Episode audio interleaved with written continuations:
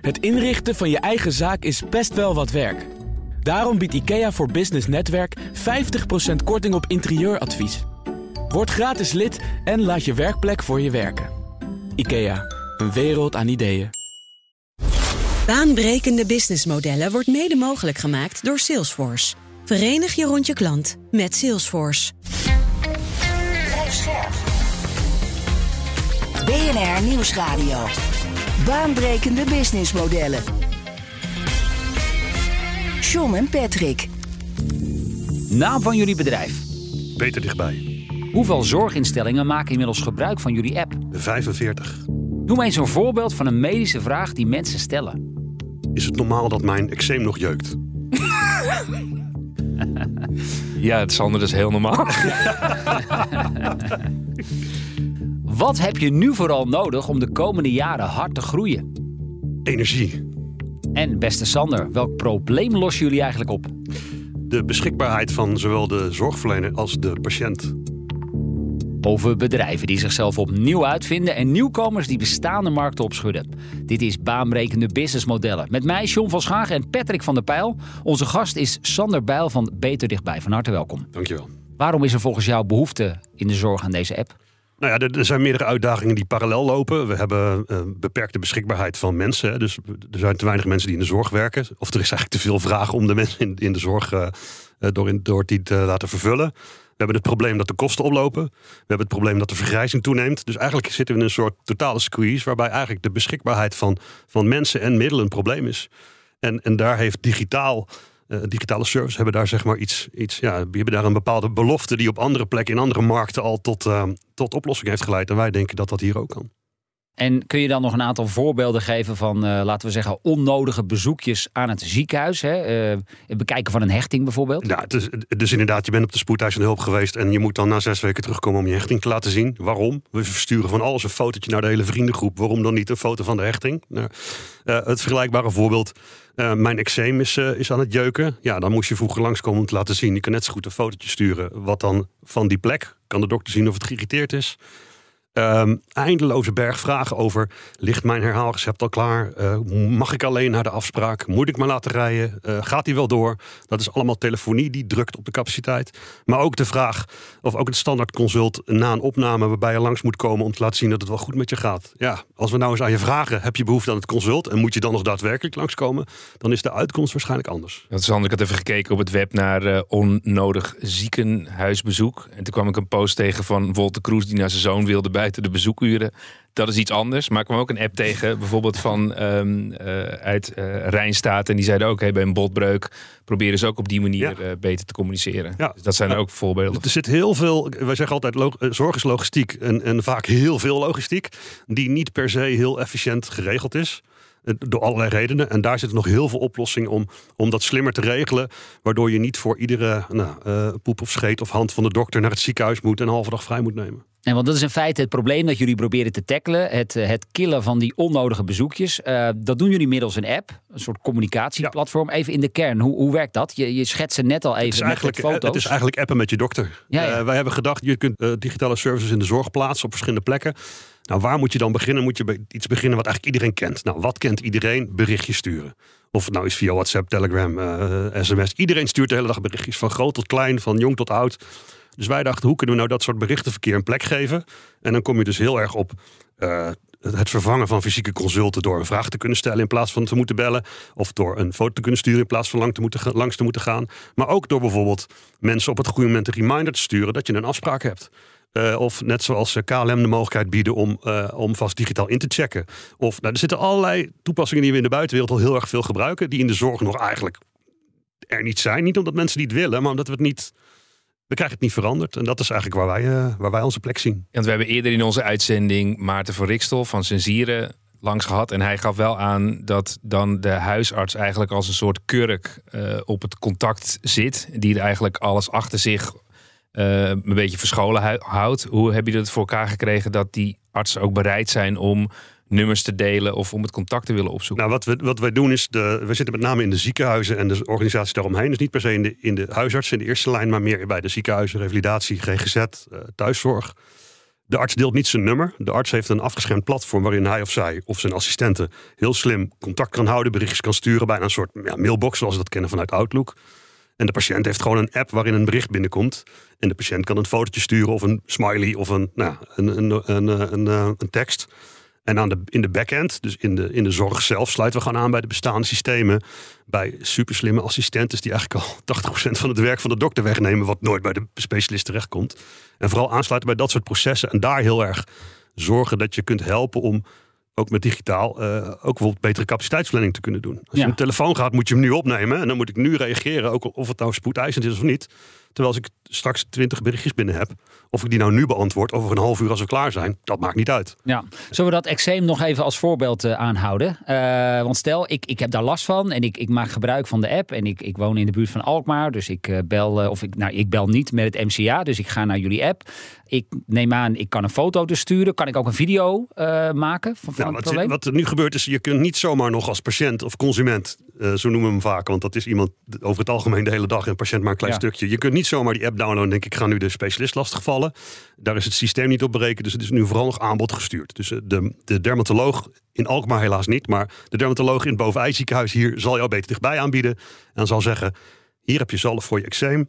Over drie weken laat me even weten hoe het gaat. Stuur ook een fotootje mee van je eczeem. Dan kijken we even wat er nodig is. En dan, als het goed is, heb je, hoef je niet meer terug te komen. Nee, en vervolgens na drie weken uh, heb ik toch nog een vraag. Dan gebruik ik de app. Waar komen de, de, berichtjes dan terecht? Het is in de basis zal het de assistent zijn. Omdat als jij vraagt, uh, mag ik toch langskomen? Ja, daar hoeft de dokter niet op te reageren. Terwijl op het moment dat je echt vuurrood eczeem hebt, ja, dan moet de dokter er wel iets mee. En die assistent weet dat heel goed, want die doet dat namelijk al de hele dag. Um, dus die geven we wel een rond het proces. En die zal dan zeggen, nou, ik krijg net een foto binnen... en dan moet toch even de dermatoloog naar kijken. Dan krijg je gewoon een appje terug van, we kijken er even naar. En je hoort einde van de dag. Ja, en moet een vraag dan binnen een, een x aantal minuten of uren beantwoord zijn? Ja, we spreken met elkaar af uh, dat het ziekenhuis aan het verwachtingsmanagement doet. Hè, van hoe snel kunnen we reageren. En over het algemeen wordt er gezegd binnen twee tot drie werkdagen. Dus uh, ook voor spoedeisende hulp zou ik toch vooral echt SCA bellen en niet een beetje dichtbijbericht sturen. En je ziet dat als ze dat goed organiseren, dat je daar uh, vaak binnen een halve dag al reactie op hebt. Of misschien nog wel sneller. Maar vanaf het begin hebben we gezegd: doe under promise en over deliver. En niet andersom, want dan weet je zeker dat je, dat je spaak loopt. Dus in principe is het vaak twee tot drie werkdagen, maar het kan over het algemeen veel sneller. En hoe kijk je naar alternatieven zoals cm.com? We hadden toen Jeroen van Glabbeek hier. En uh, bijvoorbeeld Trengo. Waar staan jullie ten opzichte van dat soort oplossingen? Die zullen vergelijkbaar zijn. Ik denk waar wij uniek in zijn, is dat wij dit bedrijf eh, gestart zijn met de Nederlandse ziekenhuizen. Uh, dus de NVZ is bij ons aandeelhouder, de, de regionale ziekenhuizen zijn aandeelhouder. Dus wij zijn echt begonnen vanuit de zorg. En richten ons ook al echt alleen maar op dat stuk communicatie. Dus wij hebben geen ambitie om een soort CRM-pakket, Salesforce-achtige oplossing te worden voor de ziekenhuizen. Wij richten ons echt alleen maar op communicatie. En dat krijgt op verschillende plekken zeg maar, een rol in het EPD, in de in het portaal, misschien ook op de website. Maar wij richten ons echt alleen op die communicatie. En dat zal vanuit onze zorgachtergrond op dat vlak doorontwikkelen. Wij zijn niet, niet een partij die daar heel veel bredere ambities hebben met toevoegen van allerlei functionaliteiten. Ja, het concrete probleem dat jij wilt tackelen, je vertelde het al, dat is in feite uh, het ontlasten van de zorg. Heel veel onnodige bezoekjes, veel onnodige belletjes. In hoeverre lukt jullie dat tot dusver? Heb je daar concrete cijfers over? Nou ja, dat, dat lukt. De, de, de, mate van effect is vooral afhankelijk van hoe, in hoeverre het ziekenhuis het toepast. Um, een voorbeeld van dat eczeem, uh, zonneallergie um, uh, patiënten in het Tergooi ziekenhuis kregen voorheen een hele behand heel behandeltrek met een aantal vaststaande terugkommomenten. Die zijn er nu uitgesneden, waardoor die patiënt nog maar twee keer hoeft te komen in de totale behandeling en niet meer vier keer. En wat 300 uur aan inzet van de verpleegkundige of de dermatoloog scheelt. Per jaar? Per jaar. Voor alleen maar dat ene zorgpad. Maar hadden ze dat in de oude situatie mogen declareren? Dat maakt voor de declaratie geen verschil. dus dit, dit is eigenlijk pure winst, efficiëntiewinst voor de organisatie. Um, in Utrecht gebruiken ze het heel veel op bijvoorbeeld de afdeling uh, ehm, MDL, de maag-darm-lever. En daar hebben ze becijferd dat het beantwoorden van een telefonische vraag kost 4 minuten en het beantwoorden van een betere bijvraag kost 30 seconden. Nou, tel daarbij op dat je ook nog zelf kan kiezen wanneer je dat kan doen. Het hoeft niet à la moment, maar je kunt er, nou, daar zitten dus ontzettende besparingen. En zo zien we op heel veel plekken heel veel verschillende toepassingen. We hebben iets van 100 toepassingen van hetzelfde platform, die allemaal een specifiek effect boeken voor dat ziekenhuis. En dan is het aan ons om te zorgen dat we dat in Nederland met elkaar delen. Zodat de slimme dermatoloog in Hilversum iets bedenkt wat ook de zoekende dermatoloog in Bovenij kan gebruiken. En dat is eigenlijk nog wel de grootste uitdaging, denk ik. Weerstand uit de zorg. Patrick noemde net al het voorbeeld van de huisarts. Skepsis hè, bij ziekenhuizen, andere zorginstellingen. Uh, die kijken naar dit soort nieuwe platformen, dit soort nieuwe applicaties. Die denken, ja, uh, wij doen dit al honderd jaar zo. Heb jij dat ook ervaren en, en hoe ga je daarmee om? Ja, dat, dat, we begonnen vijf jaar geleden met vier ziekenhuizen. En toen was dat erg, erg van pas. Hè. Iedereen zei, ja jeetje, we, en we hebben het al zo druk en dan moeten we er iets bij doen. En het gaat toch eigenlijk wel goed. Inmiddels is wel de realisatie ingezonken dat het, als we zo doorgaan zoals we nu bezig zijn, dat het ergens tot een soort crash zal gaan leiden. En dan loopt echt het systeem vast, zoals je terecht in de inleiding zei. want ik kan me voorstellen bij uh, bijvoorbeeld een zorgverlener die denkt, ja, ik word straks overspoeld met vragen. Uh, uh, ik als patiënt zou denken van, goh, is dat advies wel goed genoeg? Uh, en wimpelen we bijvoorbeeld niet per ongeluk iemand af met een, met een berichtje, terwijl die al lang al op de operatietafel ja, moet dat, liggen. dat is in die zin niet anders dan aan de telefoon. Uh, want misschien ben je ook aan de telefoon wel afgewimpeld. Uh, maar veel mensen vinden het toch fijn om even iemand te spreken. Ja, en, dat, en als dat nodig is, kan dat altijd. Maar ook heel veel mensen vinden het niet fijn om een halve dag vrij te moeten nemen om in de wachtkamer volgens nog een half uur te zitten wachten omdat de dokter uitloopt. En dan s'avonds thuis te komen. En dan kan Picnic kan wel binnen 20 minuten vertellen wanneer ze komen. Dus, dus ergens zit wel, hebben we technologie beschikbaar om dat probleem in de zorg op te lossen. En steeds meer mensen beseffen zich ook wel in de zorg dat we daar met elkaar misschien nog niet alles.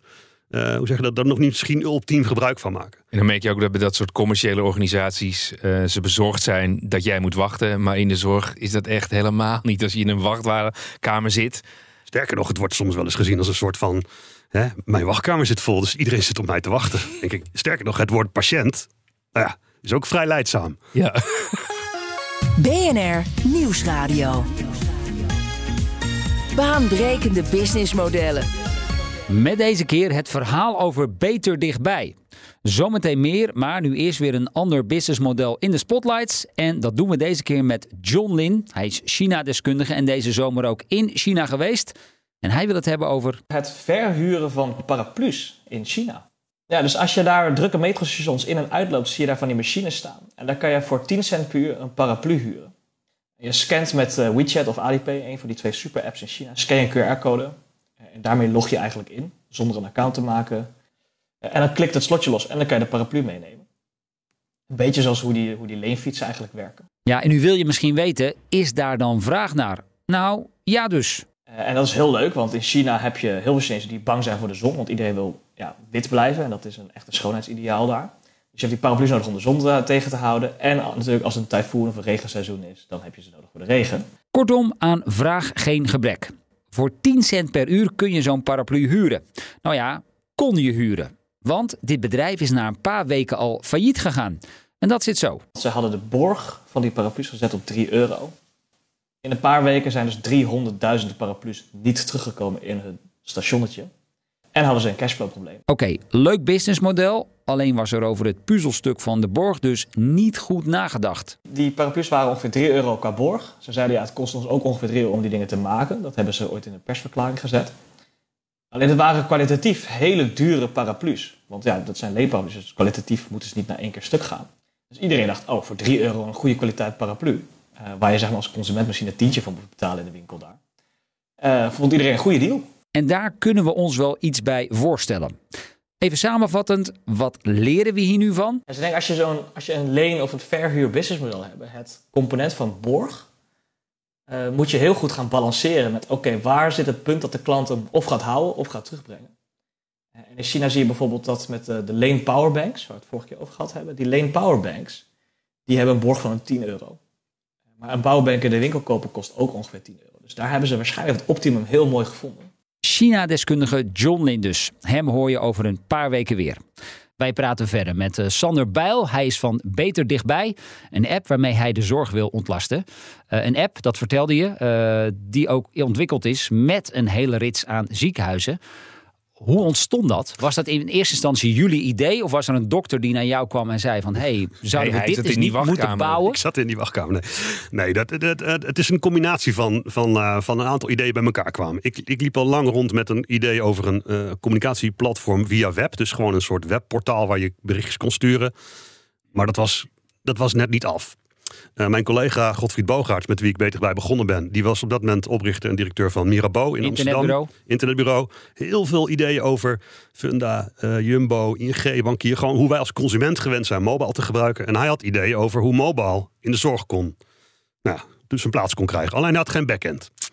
Ondertussen waren er ook 28 regionale ziekenhuizen verenigd in de SAZ, die met elkaar um, een, niet mega groot zijn en geen mega groot innovatiebudget hebben, maar wel heel veel energie en ook wel ambitie om in de regio, in kleinere regio's, uh, met, met innovatie aan de slag te gaan. En eigenlijk samen met z'n drieën begonnen. Dus we hadden de backend, de frontend en de markt. En dat bij elkaar is beter dichtbij geworden. En dat heeft ervoor gezorgd dat we ook met ziekenhuizen dit konden gaan doen. Omdat die gewoon, uh, ja, die hadden skin in de game. Die zaten er ook in. En vanaf 2022 uh, is daar de NVZ bijgekomen. Dus de Nederlandse Vereniging van Ziekenhuizen. Ja, die hebben ook vergelijkbare ambities. Die willen ook aan de slag met digitaal als onderdeel van zorg. En daarmee ja, groeien we door eigenlijk. Wat ik wel bij dat soort concepten hoor, is in ziekenhuizen dat het heel ingewikkeld is. Hè, omdat ze zeggen, hey, er zijn verschillende maatschappen, verschillende uh, stakeholders. En dan ga je dit met heel veel ziekenhuizen tegelijk doen. Als wij dat in een strategie-sessie tegen elkaar zouden uitspreken, had ik gezegd: hmm, dat gaat niet lukken. Maar wat maakt dat dat dan wel gelukt is? Dat zij wel zeggen: we slaan de handen in één, we gaan dit echt samen doen. Want nou, niet van wij moeten het beter of bij ons gaat het anders. Nee, nee het is echt het is zeg maar non-concurrentieel opgezet. En het, de, de meeste, de belangrijkste uitgangspunt van de start van Beter Dichtbij was dat die 28 ziekenhuizen zeiden: als je dit snelheid wil geven met elkaar, en dat willen wij, dan moet je het bij ons weghalen. Oftewel, je moet er gewoon een, een, goed bedrijf van bouwen. Er zit geen druk op rendement. Er moet er gewoon een goed solide bedrijf zijn wat lekker groeit, waar, waar zeg maar waardevolle diensten worden geleverd. Maar haal het even weg bij de ziekenhuisbestuurders. Dus die zitten wel bij ons in een soort aandeelhoudersbestuur. Die zijn wel bij ons uh, partner. Die hebben wel invloed op de ontwikkelagenda. Maar het is het bedrijf wat goed moet draaien. En als je kijkt bijvoorbeeld naar die investering die daarvoor nodig was, um, had je dat op één of twee ziekenhuizen kunnen doen? Want heb je dan bijvoorbeeld over een, een half miljoen of een miljoen wat je echt wat te kwijt bent om zoiets neer te zetten? Nee, dit, dit, we horen vaak andere ziekenhuizen zeggen, maar we gaan ook een app ontwikkelen. Dan zeg ik, joh, weet je, dat kun je best doen, maar bij ons werken 30 mensen aan een app ontwikkelen. Um, dus nee, daar hadden, we, daar hadden we wel die hulp bij nodig.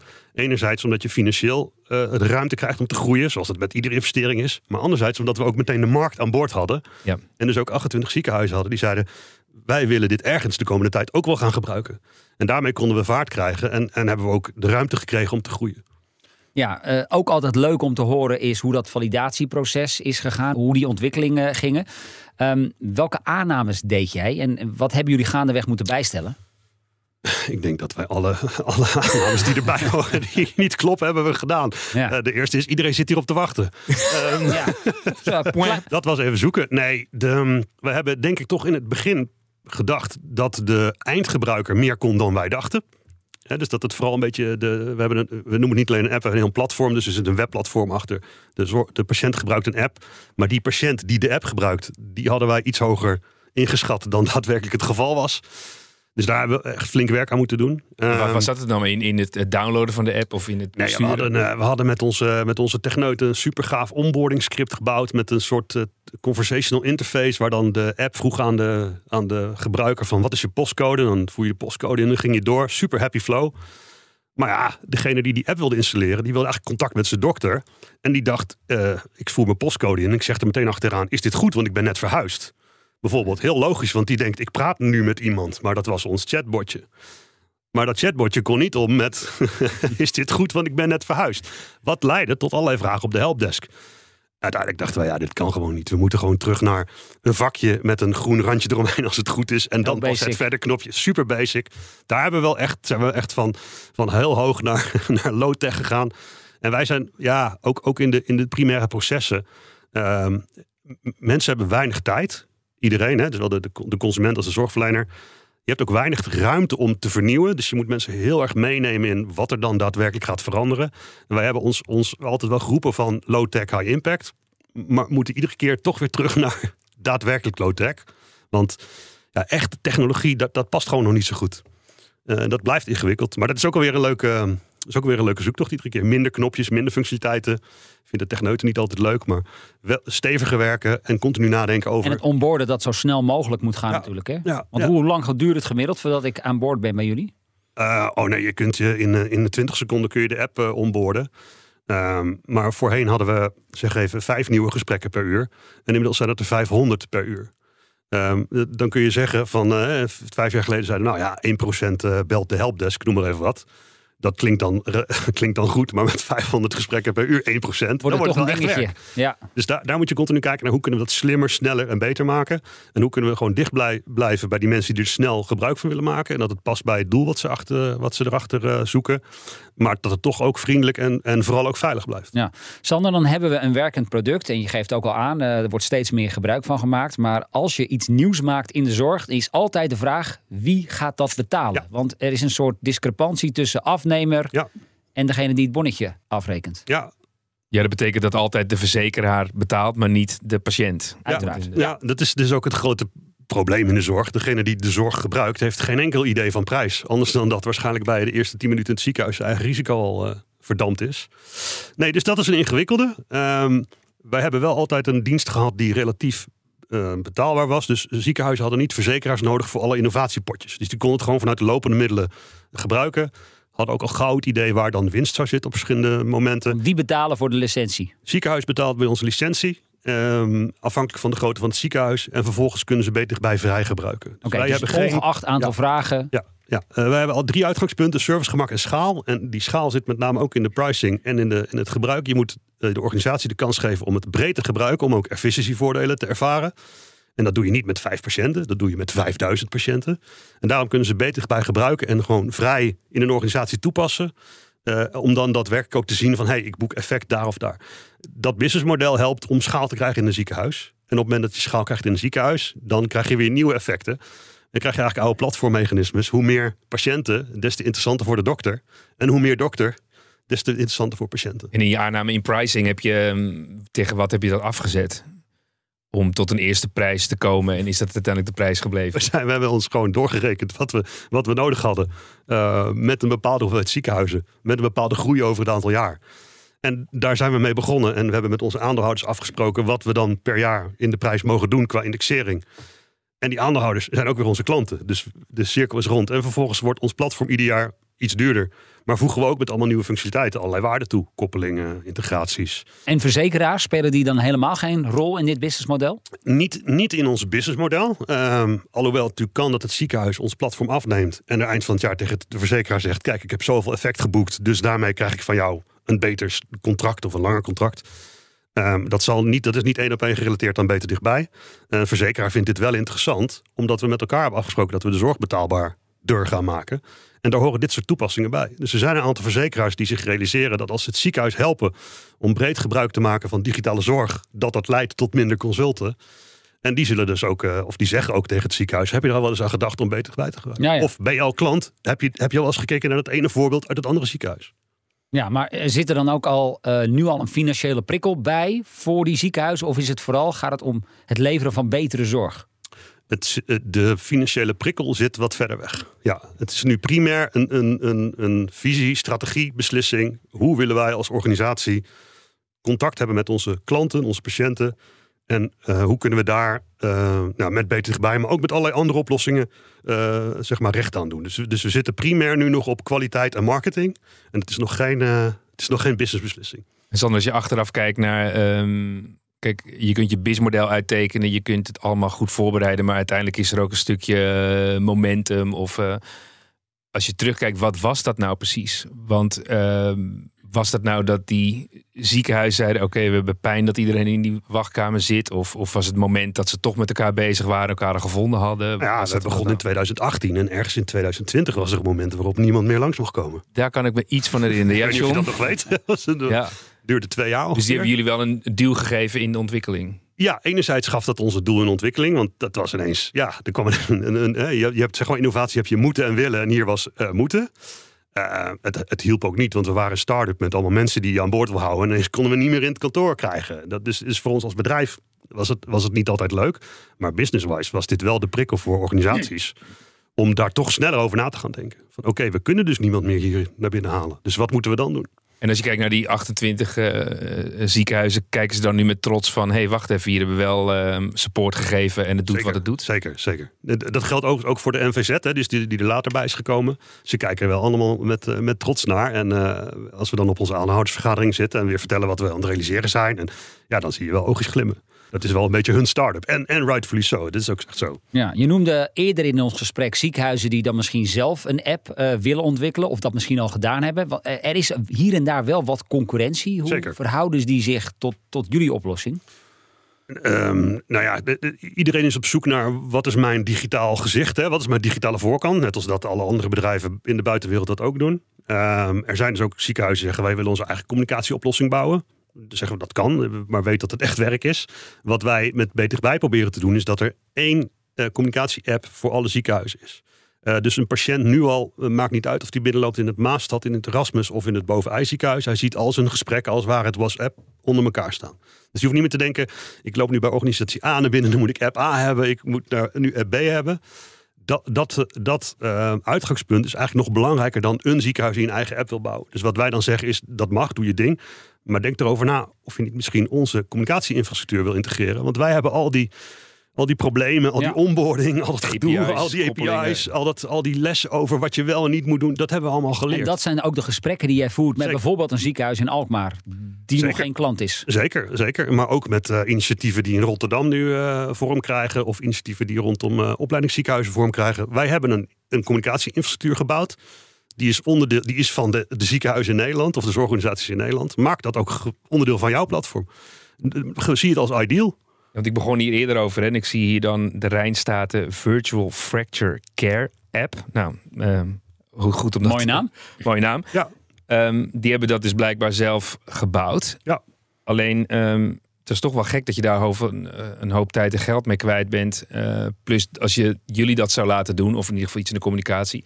Zie je dat als een optie? Of, of wat je net zei van hé, wij kunnen com- communicatie doen. Maar als je één keer communicatie doet, zou je ook andere informatie kunnen nou ja, dit is een, deze app is een mooi voorbeeld. We praten nu met de makers van deze app. Want dit is, dit is een app waar vooral informatie in zit over je breuk. Ehm, maar op Beetje je- gevoelig, ja. Ja, vrij. Ik, ik, ik weet er alles van. eh. Ja, ik zie hier in de uitzending, heb jij een... eh, Ik heb een mooie verband om mijn hand. ja. Nee, dus je, die geeft alleen maar informatie over je breuk, terwijl je ook vragen hebt over je breuk. Dus wat wij met hen aan het doen zijn nu, is te zorgen dat het knopje contact in die ene app naar ons platform leidt. Zodat wij dat stukje communicatie kunnen regelen. Dan kan het prachtig de Virtual Fracture Rijnstaten app zijn met het knopje communicatie via Beter Dichtbij. En jij als klant denkt dan, oh dat ken ik, want dat gebruik ik ook al bij. Nou, Even kijken naar de toekomst. Wat is jullie aanvalsplan? Welke strategie eh, willen jullie eerst zoveel mogelijk ziekenhuizen en zorginstellingen in Nederland gaan aansluiten? En kijken jullie dan misschien al met een voorzichtig oog naar het buitenland? Nee, we kijken niet naar het buitenland. Nee, eh, wij kijken alleen naar Nederland. Eh, hier is genoeg te doen en de markt is ook groot zat voor ons. Dus wij kijken echt naar Nederland als, als Nederlands platform met Nederlandse medewerkers, met Nederlandse ziekenhuizen. Dus nee, dat, Maar dat eh, horen we niet vaak hier in de ligt een soort breuklijn bij de grens, hoor ik. Ja, ja, nee, maar, het- maar ook als ondernemer denk je, wauw, naar het buitenland. Maar je bedrijf gaat in tweeën en je moet focus hebben op twee eenheden. Wij kennen de Nederlandse markt, wij hebben de Nederlandse ziekenhuizen als aandeelhouder. We kennen de, de dynamiek met verzekeraars en contractering. Dus dat, de- hier is echt meer dan genoeg te doen nog voor ons. en zie je dan met name de groei in eh, het gebruik van het Ja. platform zelf? Of Ja. is dat, zit dat meer in het aansluiten van nog meer zorginstellingen? Ja, beide. Dus enerzijds meer zorginstellingen die mee gaan doen. Eh, breder ook dan alleen ziekenhuizen. Daar zijn we nu druk mee bezig. Eh, VVT, geestelijke gezondheidszorg, revalidatie. Anderzijds meer gebruik. Dus bij de instellingen die meedoen steeds meer toepassingen die, die, die waarde toevoegen in het proces. Ja, tegelijkertijd verdien je daar niet eh, meer geld mee, want het is onbeperkt gebruik.